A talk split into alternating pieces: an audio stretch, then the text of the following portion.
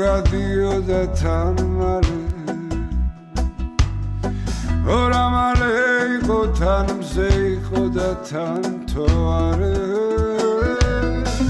სოფლის წუთების სულ ასე იყო ხან цаრიელი ხან სავსე იყო სამელნე ხან სავსე იყო სამელნე თან უცხო იყო თანაც ნაცნობიდან ახლო იყო თან შორდებოდა Es el cantante de Georgia, Nias Biasimiche, con la canción Drómale. Por Georgia pasó nuestro invitado con su furgoneta, con Ibeleche. Estamos con José Ladio Santacara. José Ladio Santacara que nos va a relatar cómo ha sido un viaje que ha realizado durante nueve meses y medio desde Carcastillo, su localidad navarra, hasta Ulan Bator y regreso. En total 45.000 kilómetros pasando por 20 países. Ha conducido su fiel furgoneta Ibeleche, que por cierto la tiene aparcada aquí cerca, Ibeleche, que viene a ser la casa andante, y con Ibeleche pues ha dado ya dos vueltas al mundo. En total ha dado tres vueltas al mundo nuestro invitado José Ladio Santacara, una con mochila y dos con Ibeleche. Y en furgoneta también dio la vuelta al continente africano y otra a Europa. Y hay que decir también pues, que ha estudiado y vivido en China. Es autor del libro, efectivamente, La Tierra Redonda, en la que relata su primera vuelta al mundo con Ibeleche. Y hoy, pues José Ladio Santacara nos va a hacer un resumen de ese largo recorrido que ha hecho también con Ibeleche, desde Carcastillo hasta, hasta Lombator, hasta Mongolia y regreso. Le damos la bienvenida a José Ladio Santacara. Gabón, buenas noches, José Ladio. Gabón, buenas noches, Roger. Bueno, yo tenía ganas de verte porque esta entrevista se, quedado, se quedó frustrada porque regresaste con Ibeleche allá por el 25 de febrero de 2020. Resulta que cuando quedamos, pues se declaró la alarma sanitaria, o estaba a punto de declararse la alarma sanitaria, y tuvimos que suspender la conversación, la entrevista. Pero bueno, ahora te tenemos, después de un tiempo, ya te tenemos con nosotros para hablar un poquito de, lo que ha sido esa travesía. ¿Qué pasa? ¿Que no puedes parar de, de, viajar? ¿Y si es con Ibeleche mejor? Sí, es como una droga que se mete ahí, lo de los viajes, siempre conocer el más allá, ¿no? Y conocer a, a, las otras personas que hay, sus culturas, sus idiomas, sus formas de, de, ver la vida. Y sí, es algo que está ahí, ¿no? Pero esto te viene de largo, porque ya hace más de 40 años te fuiste a vivir a Inglaterra durante creo que cinco años y luego también viviste en, en Suecia, ¿no? Durante un año. Sí, sí. Eh, pues, eh, ¿de dónde sale eso? Es complicado decirlo, porque claro, ahora nos ha salido bastante de la familia, que estamos siempre por ahí pero es esa inquietud, ¿no? Ya digo, de ver, de, de, de, pensar que el mundo no se acaba en tu cultura, en tu zona, en tu país, sino que hay mucho más, ¿no? ¿Te gusta también lo de conducir? Porque cuando vivías en Escandinavia, en Suecia, te fuiste a lo que antes era la Unión Soviética y lo hiciste en un Morris, sí. conduciendo un Morris. Además fue increíble. Un coche muy típico de la época. Lo compré allí en Suecia, me costó una, una porquería, no sé si eran 2.000 o 3.000 pesetas, le cambié la culata de otro que tenía, volví, pero fue un, todo eran averías, pero llegamos. Tuvo escape roto, el motor también mal, eh, gasto de aceite, gasolina, pero bueno, llegamos. Entonces volví con, con la que era mi compañera, que era otra de Cargastillo también. Sí. ¿Cómo era la Unión Soviética por aquel entonces y cómo os movíais? Porque estaríais bastante controlados. No, es curioso, porque, claro, muchas de las cosas que se decían sobre ella eran bastante mito. Yo cuando llegué allí le dije a mi compañera, le dije, oye, hay que volver por la Unión Soviética. Joder, eso es complicado. Y yo fui a una agencia de viajes de, de, Suecia y me dijo cosas muy estrictas, que hay que hacer a las seis de la tarde, hay que dejar de conducir, esto, lo otro, hay que ir a la policía siempre. Y luego no era cierto. Yo llegué, conducía cuando paraba cuando me daba la gana, a las 12 o la 1 de la madrugada, y no pasaba. Una sola vez me paró la policía, me pidió los papeles, pero eso fue todo ha cambiado mucho desde la época de la Unión Soviética ahora, porque en este último viaje que has hecho de Carcastillo a Mongolia, gran parte lo has hecho por Siberia. Sí, claro. Eh, Siberia no conocía. Cuando estuve allí, conocí desde, claro, desde Leningrado hasta Moscú y eso. No quería volver. Tenía un presentimiento que se me iba a caer el alma un poco a los pies. Y se cae un poco porque entonces yo vi un país de otra manera, más solidario. Se podrá hablar lo que se quiera, ¿no? Sobre política, el comunismo, el socialismo y tal, pero era un país mucho, mucho más solidario que el que he encontrado ahora, ¿no? Yo me acuerdo en Moscú, te ayudaba, entonces te venía un armenio, te venía un uzbeco. Esa cosa ya ha desaparecido, por supuesto. Sí, bueno, se ha dividido, que, se ha dividido sí. la Unión Soviética en muchos países, muchos de Asia Central, que también has conocido en tus vueltas al mundo y ahora también en el último viaje. Así que encontramos a la gente como más sociable, ¿no? Diríamos. Sí, pero sin duda, sin duda, sí, entonces sí, sin duda. Sí, porque ahora, ¿con qué tipo de ruso estás encontrado en el camino? Hombre, ¿O no, qué tipo de Rusia? no he tenido queja, lo que pasa es que ahora sí da la impresión de que es sálvese quien pueda un poco, cada uno encerrado en su parcela, pero Rusia está ocurriendo una cuestión, que es que está empezando a haber mucho turismo y sobre todo de los overland, los que van en camioneta, en coches, y entonces te da muchas facilidades. Es complicado sacar la visa, porque te ponen, o sea, no puedes cambiar una coma de, de cualquier cosa que tengas por ahí. Si cambias una coma, tienes que empezar al principio. Pero una vez que la has conseguido, y son visas además para seis meses, entradas múltiples, que es la que vamos siempre buscando todos nosotros, ¿no? Y luego adentro esto, facilidades. No sé, la policía pues, me ha parado siete, ocho veces, mirar un poco por encima de los papeles, ningún problema. O sea, eh, es el tema este del turismo que a ver quién puede más. Y en ese aspecto también lo he visto en los demás países de, del, del, del, no sé, del corazón de Asia, Kirguistán, Uzbekistán, eh, Tayikistán, eh, Turkmenistán, este, Turkmenistán, todos estos, Uzbekistán. de que las policías no son lo que eran. Yo cuando pasé por el 2003, aquello era un desbarajuste, por cualquier cosa te paraban intentando sacarte. Georgia era horrible. Y se conocen entre ellos se han dado cuenta que, joder, que viene ahí un poco la gallinita de los huevos de oro y, o sea, el comportamiento ha cambiado mucho. Incluso, claro, es que tiene unos tesoros impresionantes, la ruta, la seda. Y luego las ciudades siberianas, eso es impresionante. Sí, son impresionantes. Ya irías con mucha emoción, ¿no? Después de haber visto la Unión Soviética, haber conocido la Unión Soviética, internarte en lo que es Siberia. Sí, además, claro, está lleno de historias, porque yo a la vuelta aún me quedaban 15 días de, no, menos, 10 días eh, de la visa y entonces otra vez desde Azerbaiyán volví a entrar allí, claro, ¿a dónde iba? Pues a Volgogrado, Stalingrado. Volgogrado, Quería ver, sí. claro, la historia. Y ya que te emocionas, ¿no? Al, sí. Al pronunciar no sé. Stalingrado. Bueno, que ahora se llama Vol sí, Volgogrado. Vuelve a ser Stalingrado durante un día, el día de la liberación, ¿no? El, no sé si fue el 2 o el 3 de febrero. Sí, el 2 de febrero de 1943. Sí, y ese día vuelve a ser esta, Stalingrado, ¿no? Luego siempre es Volgogrado, ¿no? Ya no es lo que era en aquel tiempo. Pero bueno, sí, impresiona bastante ver el monumento, la famosa mujer ahí que está con una espada que tiene, no son 60 metros, que costó una barbaridad hacer aquel monumento. Y, claro, es historia, ¿no? Y entonces era eso, ver aquello. Luego sí me impresionó una cosa, que aquello está todo lleno de monumentos, toda esa zona está lleno de monumentos mongoles y de yurtas. Claro, cuando llegó la Horda de Oro con Genghis Khan, estamos hablando del siglo XIII, pues muchos se establecieron allí. Y o sea, hay muchas tradiciones mongolas. Y si, no sé, si no escuchas a la gente, dice, joder, igual esto es Mongolia. ¿En dónde? ¿En Volgogrado? De Volgogrado para abajo, toda la zona esa del Cáucaso. Y luego, claro, en Kazán hay 6 millones de rusos que hablan todavía el, tártaro, que está emparentado con el mogol. Son los descendientes de la Horda de Oro. Y entonces hablan el ruso y el tártaro, los dos idiomas. Sí, es curioso ver todo eso.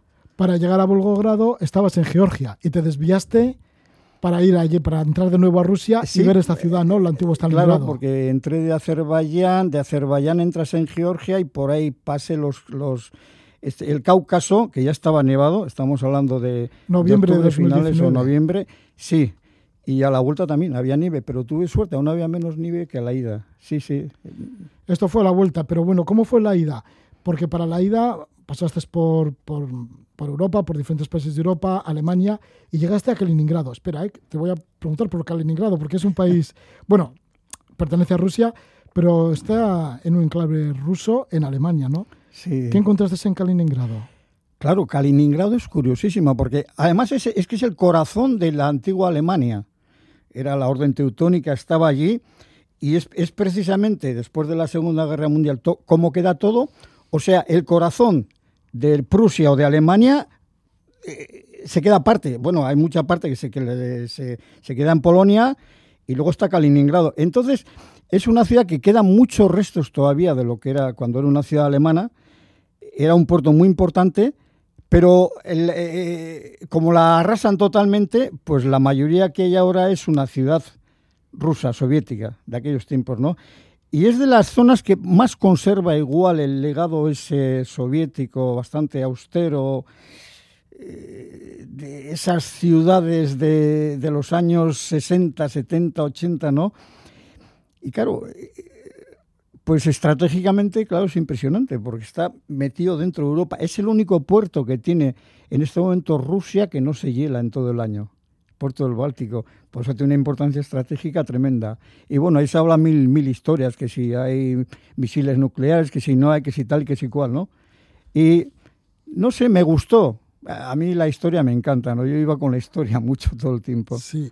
Bueno, fue eh, igual el primer sitio, el primer hito de tu recorrido, ¿no? Desde Castillo hasta Mongolia, porque fuiste desde Castillo, Navarra, a Francia, Alemania, Polonia, Kaliningrado, claro. este enclave, enclave ruso en Alemania, luego seguiste por Letonia, Lituania, Rusia, en Rusia, San Petersburgo, Moscú, y ya llegaste a, a Irkutsk, en Siberia. Bueno, estuviste también en Moscú, pero bueno, luego Irkutsk y rodeaste el lago Baikal y entraste en Mongolia. Sí, exactamente, sí, sí. ¿Cómo fue ese rodeo al lago Baikal y cómo es Irkutsk, ahí cerca del lago Baikal en Siberia? Irkutsk es una ciudad preciosa es la que ahí es donde mandaron exilados en el siglo XIX a los decembristas, que se llama, y por eso es una ciudad muy interesante. Es decir, ellos hicieron como su mundo lo volvieron a recrear allí. Bueno, hay unas casas de madera impresionantes y fueron bastantes eh, eh, gente noble que, el zar las desterró allí. Entonces, es una ciudad que verdaderamente merece la pena verla. Hay unas casas impresionantes, ¿no? Y yo creo que la ciudad más interesante de todo eso es Krasnoyar es que Krasnoyar está metida entre, entre montes y bosques. Y bueno, pues Krasnoyar es una belleza absoluta, ¿no? Esta es la anterior a, a, este, a Pero luego están Novosibirsk, Omsk, Yekaterinburg, son impresionantes. No, las ciudades que merece la pena verlas. Unas ciudades que, no sé, no sienten, no se conocen. Yo, es curioso porque hice uno de los vídeos que hice, un minuto duraba nada más, sobre, sobre Siberia. Y, y este, pues nada, tomé cuatro vídeos y tal, las flores, lo di y mucha gente me escribía, eso es mentira, eso no puede ser Siberia. Claro, un verdor, unas flores, unas cosas, claro, dura tres meses y luego a 40 bajo cero.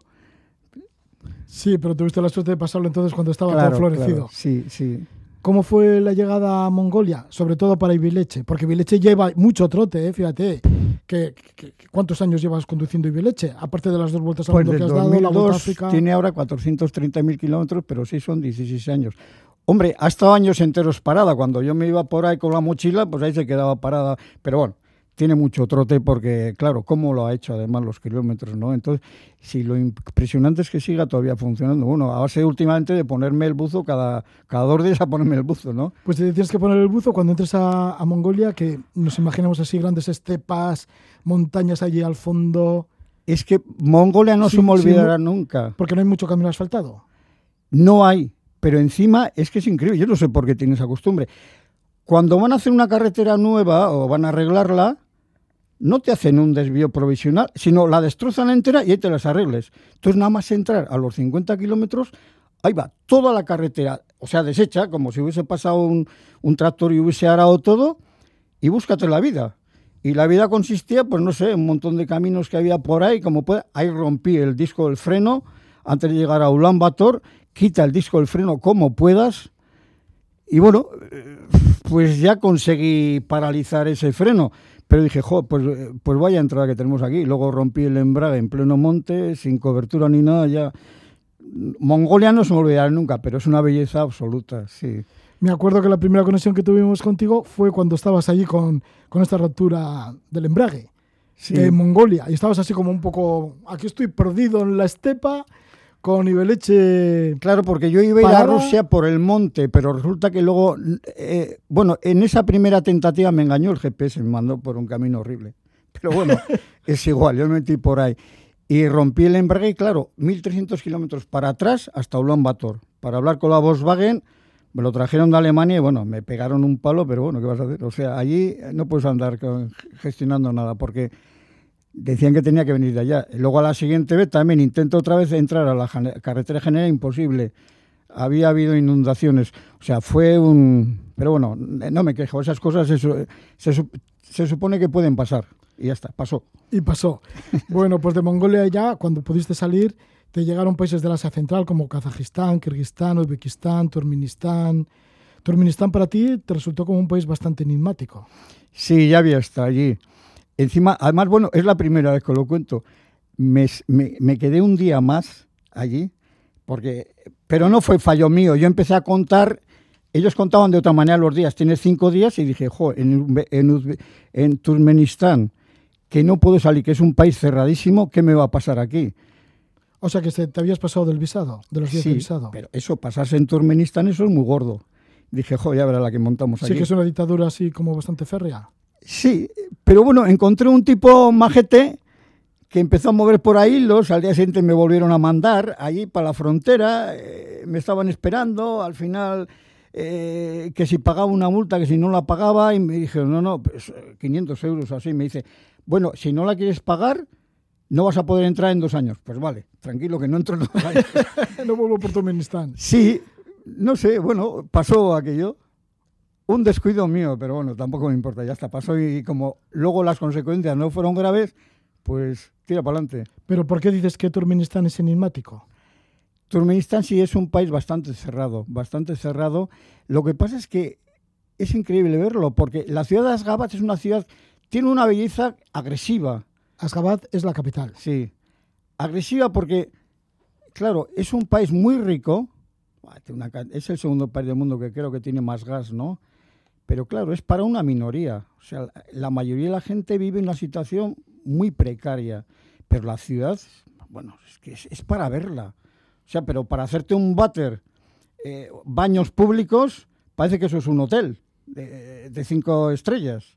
Eh, funciona así, la capital. Ahora, luego ya digo, la gente bastante pobre.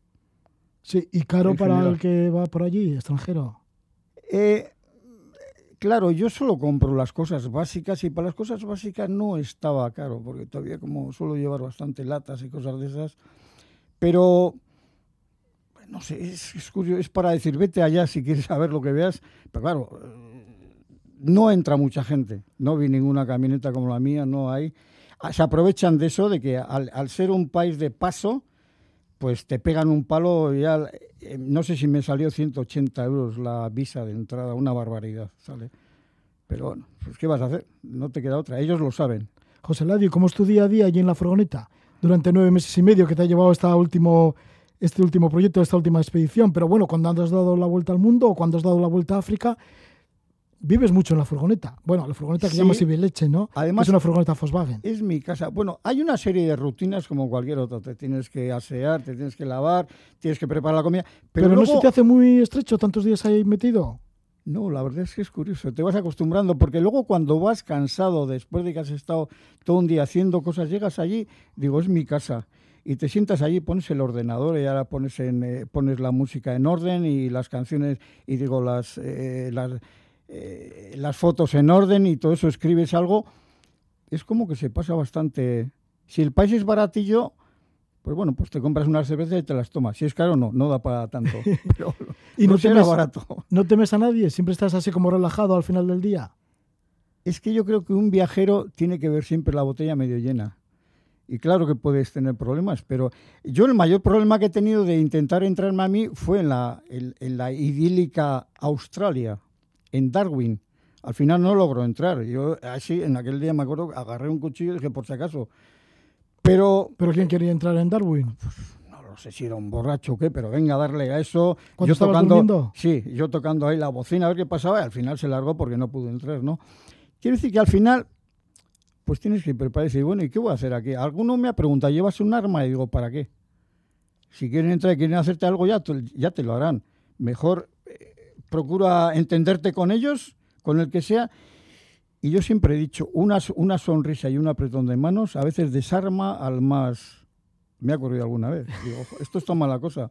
Pues mira, dale una sonrisa bien grande. Yo no voy a decir que pase siempre, ni todos, cada uno tiene que tener su... Pero bueno. Y ahora que estás en Carcastillo sin salir casi, casi, sin casi moverte, a veces te viene, eh, cuando te levantas de la cama, pues dices, ¿en dónde estoy? ¿En el CUS? ¿En Darwin? En ¿O en Carcastillo? Pues a veces... O sea, ¿te vienen sueños de que estás por ahí viajando todavía? Sí, sí. Lo que pasa es que, si no sé, llevas todo el mundo en la cabeza, entonces sí me ha ocurrido y estás escuchando una música, jo, fíjate, esta es japonesa, jo, fíjate esto, o ves la televisión. Y sí, sí, llevas todo ese mundo, todo ese bagaje que lo llevas encima y te acuerdas, claro, yo siempre voy con la gente más o menos humilde y, como estuve en Mongolia cuando regaló la camioneta, pues yo no más de la casa y, y ya está. ¿Y en Georgia? En Georgia, así, experiencias de, eh, de confraternidad no he tenido, pero Georgia también, ya digo, ha pegado un cambiazo tremendo con el tema de visas y policía, era de las peores del mundo. Y, bueno, ahora no necesitamos ni visa ni nada, todo bastante bien. Yo no sé si les habrá llegado algún aldabonazo de alguien o tal. Y ha sido bastante general, ¿eh? Casi todas bien. La, la Uzbekistán era horrible, ¿no? No ha pasado nada en Uzbekistán, ¿no? La de Kirguistán, cuidado, que andan todavía y venga con tiquismiquis, que si usted se ha pasado cinco kilómetros más, que si el stop. Pero bueno, no me han puesto multas ni nada. Se te quedan en, en Kazajistán se me quedaban igual 10 minutos dentro. Se metían a la camioneta a ver si sacaban algo. Como no sacaban nada, se iban. ¿Cómo a ver si sacaban algo? ¿Si veían algo que les gustaba, se lo llevaban? No, pues, en el sentido de decir que, pues, que usted no llevaba la luz, hay que llevar la luz. O no llevaba algo, pues bueno, pues vale, discutimos. Y al final se largaban porque no soltaba nada. Pero no, no ha habido... Cuando de Georgia pasas a Turquía, ¿pasaste de Georgia a Turquía? Sí, sí, sí ¿Ya estás más relajado una vez que llegas a Turquía? Digo, más relajado, ya que dices, bueno, ya me queda poco para llegar a, Navarra. No creas, no creas, no. Esa sensación no he tenido mucho porque tampoco me he sentido.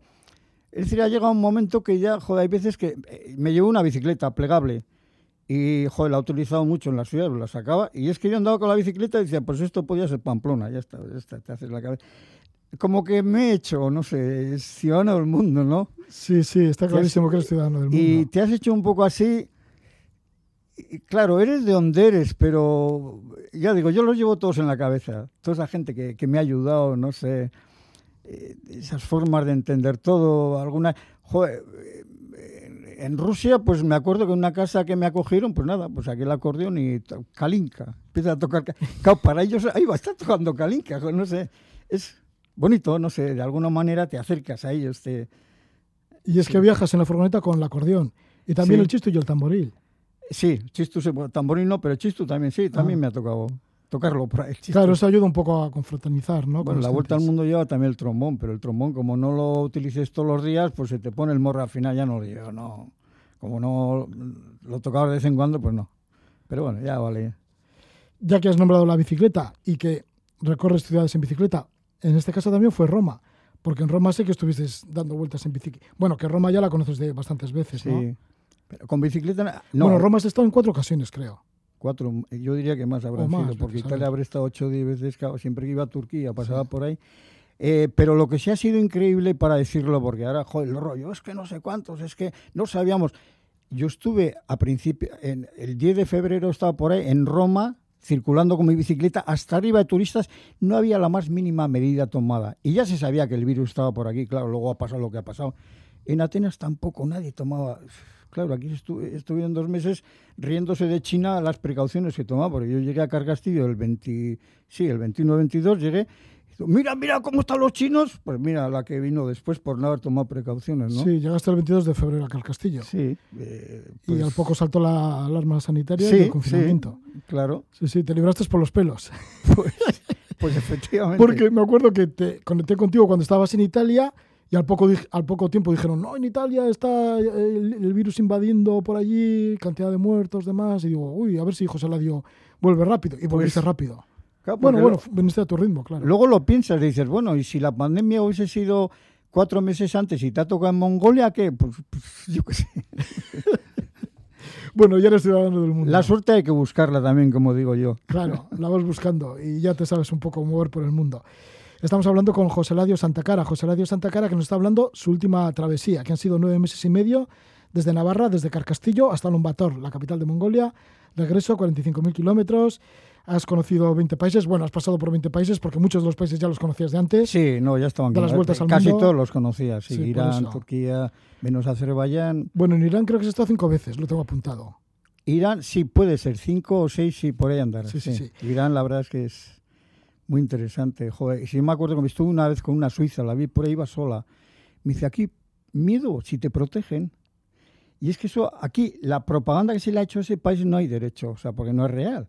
Con las mujeres me han puesto, y, joder, y ya me tocó varias. Y aquí sí te protege la gente. Ya, gente buenísima la dirán, los persas. Sí. Sí, bueno, y hay que decir que nuestro, autor- que nuestro invitado es autor del libro, efectivamente, La Tierra Redonda, en el que comentas tu primera vuelta al mundo. ¿Se puede encontrar todavía este libro? Sí, sí, sí, todavía quedan por ahí. Bueno, eh, están varias librerías. Pues lo está distribuy- distribuyendo también está Elcar, Claro, entonces lo aunque podemos es una encontrar. editorial de- del sur, pero bueno, sí, Elcar y, y bueno, aparte Sí, está Elcar editado en otras. Círculo Rojo, ¿no? Sí, Sí. sí, Vale, y ahora estás preparando África, la madre olvidada y maltratada, sí. que va a relatar tu vuelta al mundo, uy, digo, perdón, tu vuelta al continente africano. Sí, que eso sí que eso sí que fue complicado. Yo la verdad eh, lo digo en el libro, si yo hubiese sido un poco consciente de lo que me esperaban, no hubiese dado esa vuelta, porque claro, es solo tracción delantera. Las pasé, a veces salía de los sitios pues poniendo las cadenas de nieve para que agarrasen en el barro, otra vez me tuvieron que remolcar, no se puede, hay que ir con un todoterreno. Pero bueno, la inconsciencia me llevó a África. Con lo que tenía, lo di, pero jo, aquello fue... Bueno, pues ya sabremos de ese libro que estás preparando Sí, ahora. a ver si sale de aquí a tres meses, calculo yo, porque ya está casi por ir a imprenta. Sí, bueno, pues ahí está, África, la madre olvidada y maltratada. Recordemos que saldrá dentro de tres o cuatro meses. Muchísimas gracias por estar con nosotros, José Ladio Santa Cara. Gracias por venir de Carcastillo a visitarnos una vez más. Un fuerte abrazo y que vaya bien. Le da recuerdos de leche, que le tienes aparcada ahí al lado. Sí, abajo está esperando. Sí. Bueno, buena ruta. Vale, venga, agur. Adiós.